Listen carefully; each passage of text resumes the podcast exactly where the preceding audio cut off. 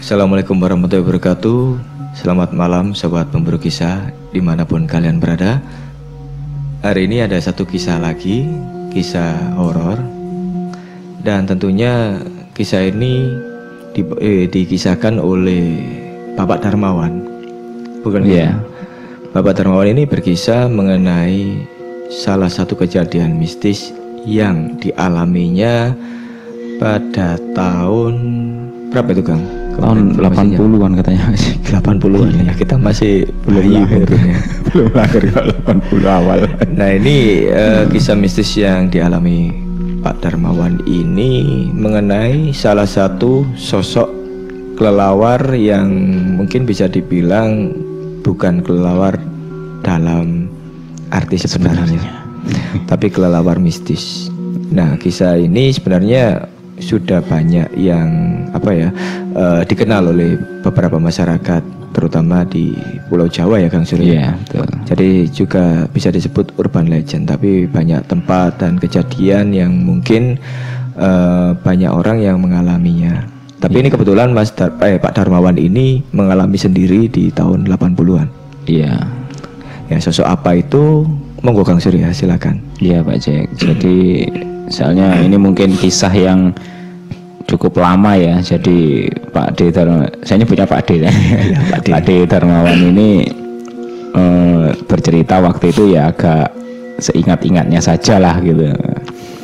Nah jadi waktu itu Pak D Darmawan ini kebetulan kerja di apa ya di daerah perkotaan lah di dia dinasnya di kota kebetulan pada waktu itu karena sudah apa ya kayak penempatan gitu Pak Jack ya zaman dulu kan kalau biasanya ditempatkan di pelosok atau di mana gitu terus minta apa minta pindah kerja atau mungkin pindah tempat dinas itu kebetulan minta pindah di kampung halamannya gitu.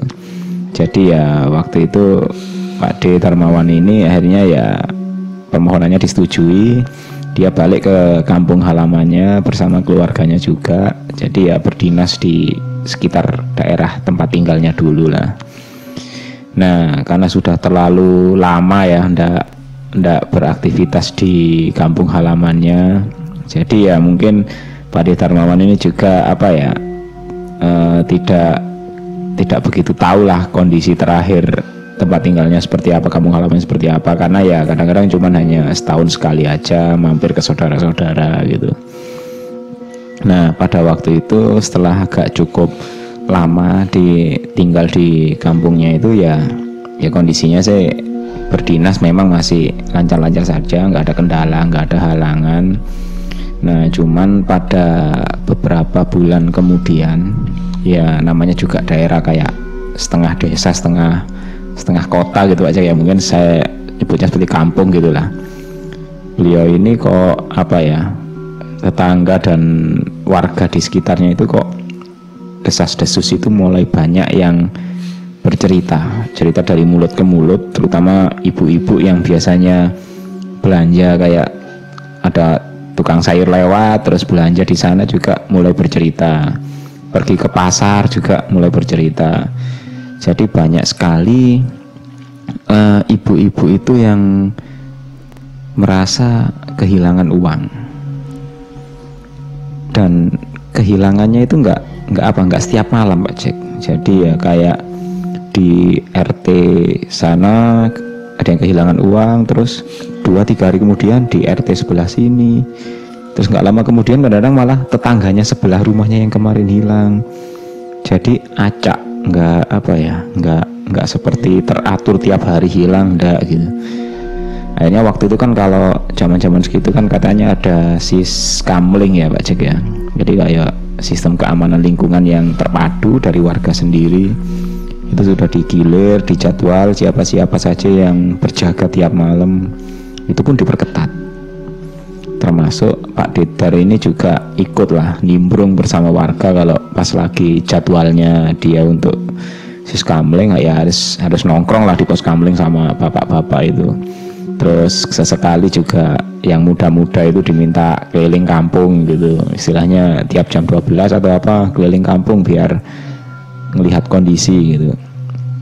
Dan anehnya walaupun digalakkan seperti itu tetap saja masih ada satu dua warga itu yang kehilangan uang.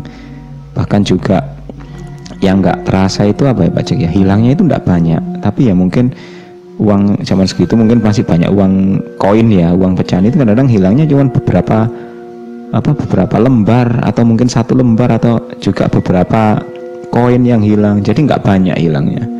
Tapi ya kalau zaman dulu mungkin 100 200 rupiah itu kan masih terbilang mahal ya terus juga mesti dihitung lah. Yang ada di dompet pun juga bisa hilang. Tapi nggak ada sama sekali kerusakan pintu jendela itu nggak ada. Jadi akhirnya warga pun beranggapan apakah ini ada kayak yang memelihara tuyul atau apa gitu. Nah akhirnya ya sis kamling itu pun terus digerakkan sampai akhirnya pada suatu hari di desa situ di rumah yang paling ujung berdekatan dengan batas desa itu yang tinggal di sana itu apa ya ibu-ibu tua dan dan dia sudah apa ya suaminya sudah meninggal terus tinggal anak-anaknya saja yang yang ada di sana. Sebagian juga sudah ikut apa berumah tangga sendiri gitu. Nah mbah-mbah ini yang kebetulan waktu itu pada suatu malam dia kan mungkin apa ya mungkin pergi ke kamar mandi atau ya ingin apa pergi ke dapur gitu harus lewat dapur. Itu dia itu kayak mendengar suara kayak apa ya? Suara kayak kaki dihentakkan gitu Pak Cek. Ketepuk buk, kayak berat gitu. Tapi apakah itu antara suara kaki besar yang dihentakkan atau kayak seperti suara apa ya? Seperti kain berat yang di yang dihempaskan gitu. Jadi menimbulkan suara kayak blek gitu Cek dan itu kayak terasa berat sekali di belakang rumah itu kok. Seperti itu ya ada suara apa gitu. Jadi habis dari kamar mandi buka pintu kayu itu mencoba melihat ada apa itu di di bagian belakang dapur itu ya. Takutnya ada maling atau pencuri gitu. Tapi kok suaranya seperti ada kayak kain dikebut-kebutkan gitu. Blok blok blok kayak berat gitu.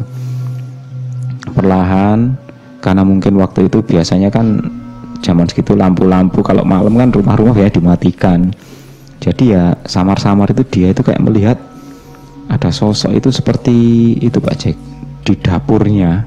Posisi dapur itu kayak sosok yang itu bukan bukan berbentuk tubuh manusia tapi berbentuk antara seperti burung yang besar sekali seperti kalkun gitu.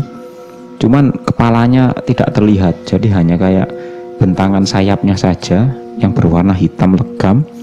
Terus kedua kakinya juga menginjak di atasnya posisi penyimpanan beras. Dan burung itu kayaknya dengan apa ya dengan kepalanya itu kayak uh, membungkuk mengambil beras kemudian diselipkan di sela-sela tubuhnya. Membungkuk menggigiti beras diselipkan di sela-sela tubuhnya. Karena terkejut ibu tua ini pun menjerit dan berteriak minta tolong dan sosok itu tiba-tiba lenyap memasuki apa ya angin-angin lubang angin-angin yang sangat kecil sosok yang besar itu seperti sebesar apa kalkun besar itu tiba-tiba lenyap di lubang angin-angin yang kecil itu. Gegerlah seisi kampung. Warga pun berlarian. Termasuk waktu itu Pak Ditar juga mungkin karena ada suara kentongan atau apa ya keluar rumah juga nyamperin ke sana. Nah setelah ditenangkan ibu tua ini bercerita bahwa ada sosok seperti burung atau kalkun yang besar gitu tubuhnya hitam legam ternyata juga ngambili beras. Akhirnya cerita itu pun juga menyebar. Malam itu warga desa kayaknya nggak ada yang tidur semua bingung semua jadi ya panik lah. Semua saling berjaga lampu-lampu dinyalakan sampai akhirnya keesokan harinya pun cerita itu jadi buah bibir nah orang-orang sekarang yang selama ini merasa kehilangan uang atau apa sekarang pun mulai kepikiran dan mereka mulai merasa jangan-jangan yang selama ini yang bisa dihitung itu uang itu hilang ya. Apalagi kalau beras atau apa yang selama ini nggak pernah kita hitung ya. Jangan-jangan kita juga sudah lama kecurian beras gitu. Karena mungkin zaman segitu ya apa ya makanan pokok seperti beras itu sangat sangat penting sekali Pak Jack. Jadi ya kehilangan beras kalau sedikit demi sedikit mungkin tidak terlihat. Tapi juga mesti kalau ibu-ibu itu merasa ada yang hilang gitu ya ya mungkin akhirnya sekarang mereka mulai berpikir ternyata ya nggak uang aja yang harus diamankan. Termasuk beras pun juga harus diamankan. Karena memang ya kejadian yang semalam itu membuat mata mereka terbuka gitu loh. Akhirnya desa pun masih terus kondisinya semakin mencekam dan bukan hanya itu saja ternyata juga beberapa warga juga sempat melihat. Jadi ada apa ya kayak sosok seperti burung yang besar itu masuk ke teras warga terus juga ketika dikejar kemudian warga yang punya rumah dibangunkan juga tidak melihat apa-apa sama sekali dan memang seperti yang diceritakan kedatangannya itu seperti menimbulkan suara apa ya kayak kain yang berat itu dikebut-kebutkan gitu. Dari bluk bluk bluk atau kayak kaki yang dihentakkan keras ke tanah gitu. Bluk bluk ya. Akhirnya warga pun terus melakukan siskamling sampai akhirnya salah satu tetangga lagi itu juga mengalami kejadian. Dan kesaksiannya juga hampir sama Pak Jack. Tapi kali ini yang terlihat di hadapannya itu bukan seperti burung kalkun tapi seperti apa ya kelelawar yang tubuhnya besar tidak seukuran kelelawar biasa jadi kelelawar itu waktu itu ada suara blek blek blek di malam hari Nah, si pemilik rumah ini kan terbangun. Ini suara apa? Seperti yang diceritakan orang-orang, kok kedengarannya dari samping rumah gitu. Nah, ketika dia menyalakan lampu rumah, lampu dalam, kemudian dia menyalakan lampu samping, ketika dia keluar, nah di samping rumah itu dia melihat sosok kelawar yang besar sekali dan lebar sayapnya itu kira-kira lebih dari satu meter. Jadi ya mungkin kayak kelelawar hutan gitu aja ya besar sekali dan ketika si empunya rumah ini keluar sosok itu sepertinya menyadari bahwa si tuan rumah ini akan keluar gitu. Makanya tiba-tiba dia langsung loncat terbang dan menghilang di kegelapan malam. Cepat sekali jadi ya hanya sekilas terlihatnya. Nah akhirnya kejadian itu pun berlangsung beberapa kali termasuk yang terakhir tadi cerita warga itu juga membuat kecemasan dan juga kepanikan yang sangat luar biasa di kampung itu. Nah, Pak Ditar ini sebenarnya juga apa ya antara percaya dan nggak percaya gitu ya, karena mungkin sudah terlalu sering apa ya di di pekerjaannya juga mungkin bertemu dengan banyak orang di kota gitu. Jadi ya bayangannya mungkin ya itu adalah kelelawar hutan atau kelelawar buah yang memang ukurannya besar gitu. Dan mungkin bisa jadi yang beberapa kejadian uang hilang dan apa e, warga yang merasa kehilangan. Itu mungkin ya ada pencuri atau apa gitu kayaknya Pak Ditar ini nggak nggak sengaja. Suatu malam ya dia mungkin habis sholat atau apa gitu ya. Waktu di kamar mandi selesai kemudian dia pergi uh, ke belakang gitu. Karena ya entah kenapa kok firasatnya itu dia men, apa ya kayak merasa ada suara-suara mencurigakan gitu di dapur.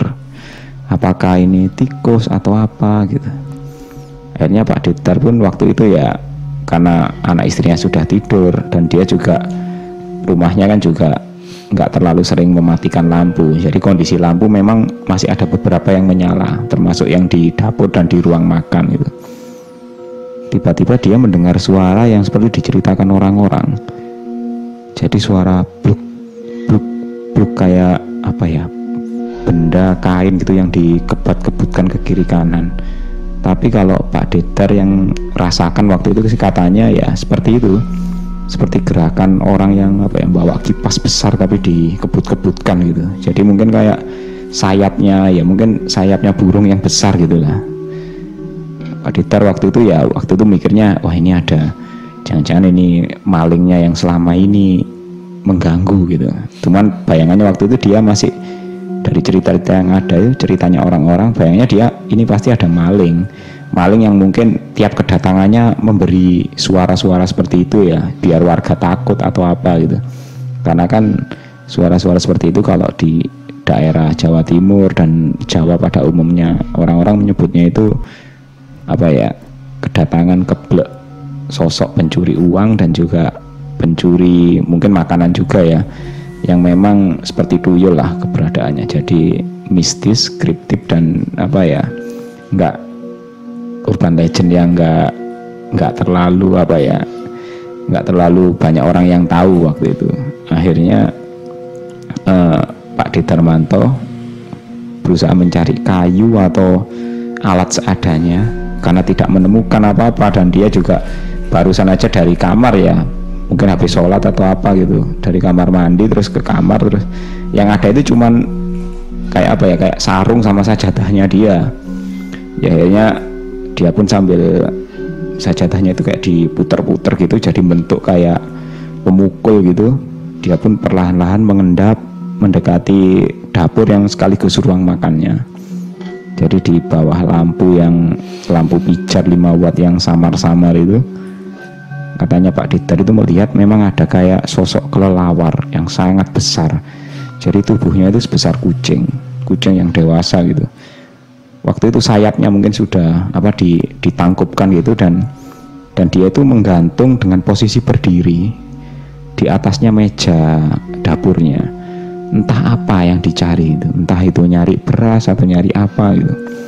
Pak Dieter merasa wah ini mungkin kelelawar kok bisa sebesar ini masuk rumah? Kalau menurut pikirannya Pak Dieter ini pasti kelelawar buah yang biasanya di hutan-hutan itu makan buah gitu ya. Tapi kok sebesar ini ya? Pak Dieter mengendap-endap dan sosok itu ternyata nggak sadar Pak Dieter itu di belakangnya. Dan akhirnya sama Pak Dieter yang waktu itu dia cuma bawa sarung sama sajadah ya. Jadi alat itu dipakai untuk memukul katanya. Bluk sekali pukul kena makhluk itu terjatuh nah sambil menggeliat-geliat kayak kesakitan gitu karena waktu itu Pak Dieter yang nggak ada alat lain ya akhirnya sarung yang dilempar sama sajadahnya itu dilempar ke makhluk itu kemudian kayak dibuntal gitu dibuntal diringkus ditali sama Pak Didar. Akhirnya dia pun apa ya mengikat kuat-kuat makhluk itu masih meronta gitu. Warga kampung eh, eh, keluarga pun terbangun kan? Terbangun karena kegaduhan dan Pak Didar berteriak apa? Aku ini ya nangkep nggak tahu ini nangkep kelawar ini nangkep kucing atau kelelawar ini kok besar sekali warnanya hitam gitu. Nah keluarganya mungkin ya masih apa ya mendengar kisah-kisah sebelumnya. Akhirnya dia pun tetangga-tetangga pun dibangunkan gitu. Jadi keluarganya itu mulai berteriak minta tolong warga gitu. Akhirnya warga pun sebagian ada berdatangan tapi Pak Diter waktu itu kayak berpikir ya sudah anu aja nanti ini mungkin kelelawar atau apa gitu. Warga pun datang. Saat itu ada salah satu warga gitu. Dia anu aja Pak De dibakar aja atau oh jangan kasihan nanti siapa tahu ini cuma binatang yang kesasar atau apa gitu. Lah akhirnya sudah anu aja pak dicarikan apa tempat eh, toples atau toplesnya kerupuk yang dari kaca yang besar itu aja masukin situ aja. Nanti barangkali apa itu memang beneran kucing atau apa. Mungkin tadi bentuknya seperti kelawar tapi kok jalannya kok tegak berdiri gitu. Ya sama Pak Didar pun. Makhluk itu masih meronta kemudian dicarikan kayak toples kaca. Dimasukkan ke dalam gitu. Dengan apa kayak berusaha. Toplesnya kan besar gitu aja seukuran toples kerupuk gitu ya nah ketika memasukkan sosok itu melepaskan tali dan memasukkannya dengan kain yang membungkusnya Pak Didar sendiri itu kaget. Perasaan tadi waktu dia ringkus itu sosok itu sebesar kucing. Tapi ketika masuk ke dalam toples itu ukurannya cuma apa ya? Sebesar kayak anaknya ayam itu Pak Jack. Bentuknya masih tetap kelelawar tapi ukurannya itu seperti seukuran anak ayam. Dah kok kecil banget gitu pikirnya Pak Didar jadi ya bayangannya selama ini mungkin ya dia nggak nggak terlalu percaya dengan hal-hal itu. Mungkin tadi mengira itu kelelawar buah gitu ya. Saat itu juga dia mulai ragu apakah memang benar ini makhluk yang diceritakan warga yang menurut warga sebagai urban legend atau binatang mistis ini gitu ya. Hanya dengan keraguannya Pak Didar pun hanya menutup toples itu dan apa ya hendak menitipkan ke warga wes sudah ini dibawa ke anu aja. Siapa yang mau bawa wes diamankan ke desa atau gimana? Tapi atas saran beberapa tetangga karena mungkin banyak tetangga yang juga ragu apakah itu memang beneran binatang yang selama ini mencuri atau mungkin hanya sekedar kebetulan binatang yang apes masuk ke rumah gitu aja. Hanya salah satu warga menyarankan gini aja pak disimpan aja kalau misalkan besok tiba-tiba ada orang yang datang nyari ya mungkin bisa jadi dia yang mempunya yang memelihara binatang ini. Nah orang itu ya mungkin tetangganya Pak Detar yang memang sudah apa ya sudah sepuh lah. Dan mungkin sudah sudah tua dan sudah banyak memahami hal-hal seperti itu. Tapi memang ketika orang itu hendak dititipi sama Pak Dedar barang itu dititipkan ke dia makhluk itu dititipkan ke sana orang itu menolak jangan yang yang nangkep itu sampean. Jadi ya nanti yang bisa apa ya yang bisa mengendalikan ini tidak hanya sampean katanya gitu. Lah Pak Dedar sendiri kan juga merasa tidak punya kemampuan apa-apa gitu tapi kok malah disuruh jaga makhluk ini gitu. Akhirnya ya karena banyak warga yang warga lain yang menyarankan seperti itu akhirnya ya Pak Ditar pun menyimpan makhluk itu. Katanya kalau sampai besok ada yang datang nyari ya berarti itu yang apa e, memelihara makhluk ini gitu. akhirnya ditunggu. Besok hari Pak Ditar masih beraktivitas seperti biasa ya aktivitas kerjaan dan lain-lain. Walaupun desa itu sudah mulai gempar. Jadi binatang yang selama ini jadi-jadian itu sudah ditangkap. Ya sempat gempar saya dari mulut ke mulut sampai akhirnya ya juga menyebar ke tetangga yang lain tapi ya Pak Deta dan sudah berpesan sama istri dan anak-anaknya ya sudah nggak usah terlalu rame kalau ada tetangga yang nanya ya jawab aja enggak kayaknya kelelawar biasa gitu. Ya akhirnya ya terus berlangsung sampai akhirnya ditunggulah esok harinya malam harinya itu. Pak Detar juga nunggu barangkali ada orang nyari. Ternyata ya nggak ada sama sekali nggak ada orang nggak ada apa yang nggak ada tamu gitu. Yang ada malah tetangga berdatangan pengen melihat makhluk itu. Mulai siang hari pulang kerja sampai malam itu masih ada aja terutama anak-anak tetangga itu yang diajak bikin nonton gitu. Sampai akhirnya malam Pak Detar nggak nggak menemukan hal-hal yang aneh ya. Yang datang cuma tetangga semua. Akhirnya ya sudah. Terus kalau besok nggak ada yang anu biar saya lepaskan aja makhluk ini katanya gitu. Nah besok harinya entah kenapa Pak Dedar itu ada banyak kesibukan. Jadi di apa ya di kantor kerjaannya itu mulai pagi sampai akhirnya dia harus ngelembur gitu. Ngelembur sampai sore dan hampir tengah malam akhirnya dia lupa. Wah iya hari ini lembur ya. Sampai lupa ini jangan-jangan ini istri di rumah ini bingung ini banyak tetangga yang berdatangan ini melihat makhluk yang kemarin ditangkap itu akhirnya sepulang lembur kira-kira jam 8 malam Pak Detar itu bergegas pulang ke rumah. Nah sampai di rumah ya ternyata benar istrinya cerita banyak apa anak-anak kecil yang datang ingin lihat makhluk ini sampai apa sampai anaknya yang paling kecil nggak mau apa nggak mau pergi ngaji karena teman-temannya datang ke sini semua. Akhirnya ya Pak Ditar pun cerita hari ini sebenarnya banyak kerjaan sampai akhirnya lembur dan sampai lupa sebenarnya kalau hari ini nggak anu gitu mau melepaskan makhluk itu karena sudah malam banget dan juga capek akhirnya Pak Ditar pun istirahat. Nah ketika istirahat entah jam berapa ya lupa katanya beliau itu antara jam 11 atau 12 malam itu tiba-tiba pintu rumahnya itu diketuk gitu. Diketuk dan ada permisi malam gitu oh ini kok kayaknya ada orang ini ya. Apa mungkin orang-orang puskes kamling atau apa gitu ya?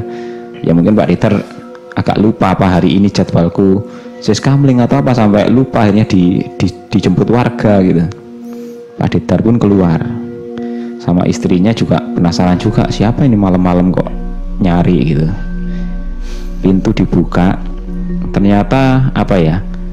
Sosok orang yang nggak terlalu dikenal sama Pak Dedar gitu. Uh, permisi anu ya Pak Pak Dar ya? Oh iya. Siapa ya ini? Oh saya anu nyebutkan namanya gitu. Jadi dia itu ditemani sama satu orang lagi yang bawa motor gitu. Dia dibonceng gitu. Nah, terus dipersilahkan sama Pak Dar sama istrinya juga berjalan dan kayaknya istrinya itu kenal sama beliaunya tamu itu. Ternyata kayaknya tamu itu uh, salah satu apa ya tetangga yang di desa yang agak jauh beda desa gitu. Nah akhirnya setelah masuk apa ya dibuatkan minuman keperluannya apa ya tetangga itu minta maaf karena malam-malam terpaksa bertamu. Sebenarnya kemarin itu mau bertamu agak apa ya agak sore atau enggak terlalu malam tapi kok rumahnya Pak Detar ini kok rame banyak tamu terus. Hanya dia mengurungkan niatnya karena nanti takut nggak tersampaikan maksudnya. Besok malamnya juga sempat datang rumahnya Pak Diter masih ramai dan bulan Pak Diter nggak ada di rumah karena lembur. Lah mungkin akhirnya dia mengulanginya setelah agak malam. Nah setelah ngobrol-ngobrol nggak lama basa-basi gitu. Tiba-tiba tamu ini yang usianya sebenarnya masih sebaya dengan Pak Diter waktu itu ya tiba-tiba minta maaf. Dia minta maaf sebesar-besarnya kemudian dari balik tasnya itu kayak mengeluarkan apa ya e, buntalan kain itu isinya kayaknya uang gitu. Jadi uang itu yang cukup banyak. Jadi ya waktu itu sih katanya Pak Diter waktu dibuka itu kayak pecahan lima ribuan itu berbendel-bendel. Lima ribuan sama sepuluh ribuan. Jadi ada lima ribuan yang banyak dan beberapa pecahan sepuluh ribuan itu beberapa bendel gitu. Itu dititipkan mejana Pak Dar. Jadi Pak Dar itu dikasih uang itu loh ini untuk apa Pak? Saya cuma mau menebus apa menebus peliharaan saya.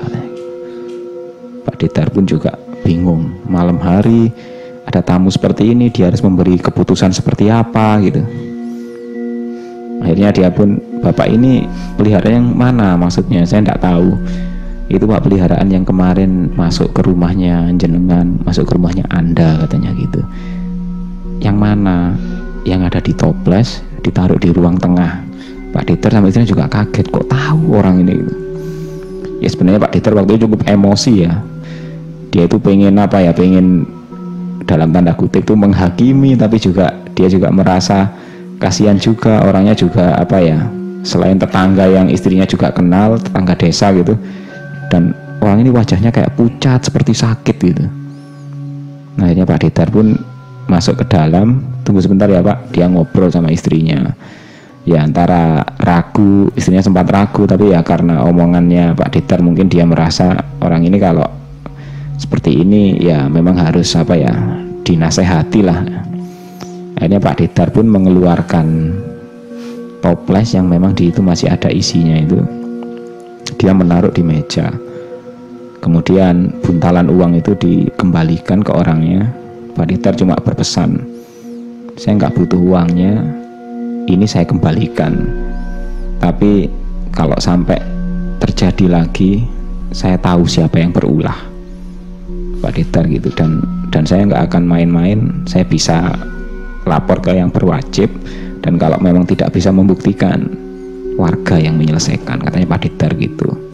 Orang itu pun minta maaf menangis-nangis di depannya Pak Ditar dan memohon supaya uang itu diterima. Tapi Pak Ditar nggak mau katanya karena takut alasannya ke kita waktu itu dia cerita ini uang ini sumbernya dari mana? Dia kan juga nggak tahu takut tersangkut lah gitu. Ya akhirnya sama Pak Ditar orang itu apa dikembalikan uangnya dan juga toples berisi makhluk itu diserahkan dan entah kenapa orang itu katanya tiba-tiba menangis meminta maaf dan sempat bilang ke Pak Didar sama istrinya ini mungkin saya yang terakhir bertemu dengan Bapak Ibu dan mungkin yang terakhir pula saya ada di sini. Karena setelah ini saya tidak akan di sini lagi katanya gitu. Setelah itu dia pergi sambil membawa toples itu kemudian dibonceng dan menghilang. Dan setelah kejadian itu memang berhari-hari berikutnya warga pun juga si kamling terus tetap rutin. Tapi ya pengakuan warga yang kehilangan mulai nggak ada. Dan ketika orang-orang bertanya loh besoknya kan banyak yang ingin lihat. Mana Pak? Ya Pak Diter cuma bilang nggak tahu lenyap sendiri dari dalam toples gitu. Kayaknya kabur itu nah, jadi alasan Pak Diter ya kayak katanya kabur gitu. Nah akhirnya selidik punya selidik katanya istrinya Pak Diter setelah apa yang ngobrol-ngobrol dengan tetangga gitu. Katanya orang yang yaitu tadi yang malam harinya sempat nyamperin itu eh, di desa sebelah itu dia kayaknya sudah pindah. Jadi pindah rumah sama keluarganya nggak tahu pindah ke mana. Karena tiba-tiba kayak nyewa apa nyewa kayak mobil bak terbuka gitu barang-barang diangkuti kemudian pindah. Jadi rumahnya dibiarkan kosong gitu di desa sebelah jadi ya bisa jadi mungkin ya harapannya Pak Ditar sih orangnya sudah benar-benar berhenti. Atau mungkin ya ya itu yang tidak tahu Pak Ditar cuman harapannya setelah kejadian kemarin itu orangnya maulah berhenti dari hal-hal yang nggak baik seperti itu. Jadi itu yang diceritakan Pak Ditar ke Misteri Son Pak Jack. Ya kalau apa ya Kang? Tahun-tahun 80-an Atau awal-awal tahun 90-an ini Banyak cerita-cerita Yang masih kuat Atau kental dengan misterinya. Iya. Terutama kalau sekarang kan kejahatan Atau pencurian Kan ini ya wajar lah orang yang melakukannya. Tapi kalau tahun-tahun segitu ini karena kondisi lingkungan yang masih tidak begitu ramai seperti sekarang, Iya. terus penerangan juga tidak seperti sekarang, betul komunikasi juga tidak seperti sekarang ya. Jadi kemungkinan hal-hal tersebut ini masih apa ya istilahnya ini eh, masih lazim lah terjadi pada waktu itu dan juga masih sering digunakan juga oleh beberapa pelaku-pelaku kejahatan yang seperti ini. Iya, apalagi kalau zaman dulu itu butuhnya bukan hanya uang saja Pak Jack ya.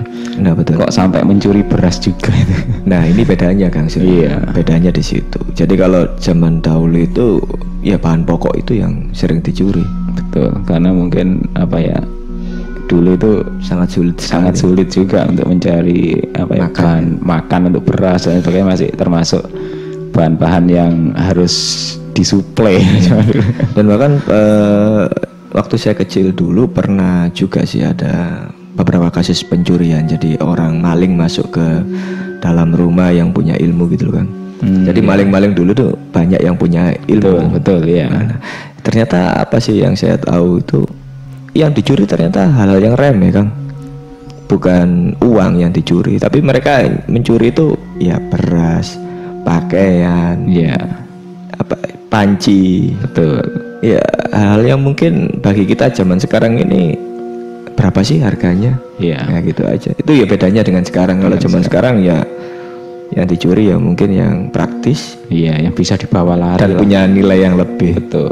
Tapi zaman dulu nggak seperti itu. Apa Bahkan yang jam dinding, dibutuhkan ya, apa Iya. yang dibutuhkan itu yang dicuri. Iya, jam dinding dicuri, ayam, Iya, ayam ini yang iya ayam. Terus terutama ya beras itu tadi kan. Iya. Jadi kalau jam dulu orang habis panen terus diselepkan. Kalau dulu kan istilahnya diselep ya. dipisahkan antara, Dipisahkan antara kulit kulitnya dan- dengan berasnya. Bisa jadi ya ini yang kebanyakan dicuri. Padahal ya berat sih Kang. Iya. Tapi ya itu yang dibutuhkan. Beda zaman sekarang ya. Iya. Oke, sobat pemburu kisah, terima kasih telah mendengarkan fragmen kali ini atau cerita hari ini. Jangan lupa untuk like, subscribe, serta tinggalkan komentar di bawah. Oke, sampai ketemu di kisah-kisah kami selanjutnya. Assalamualaikum warahmatullahi wabarakatuh. Bye bye.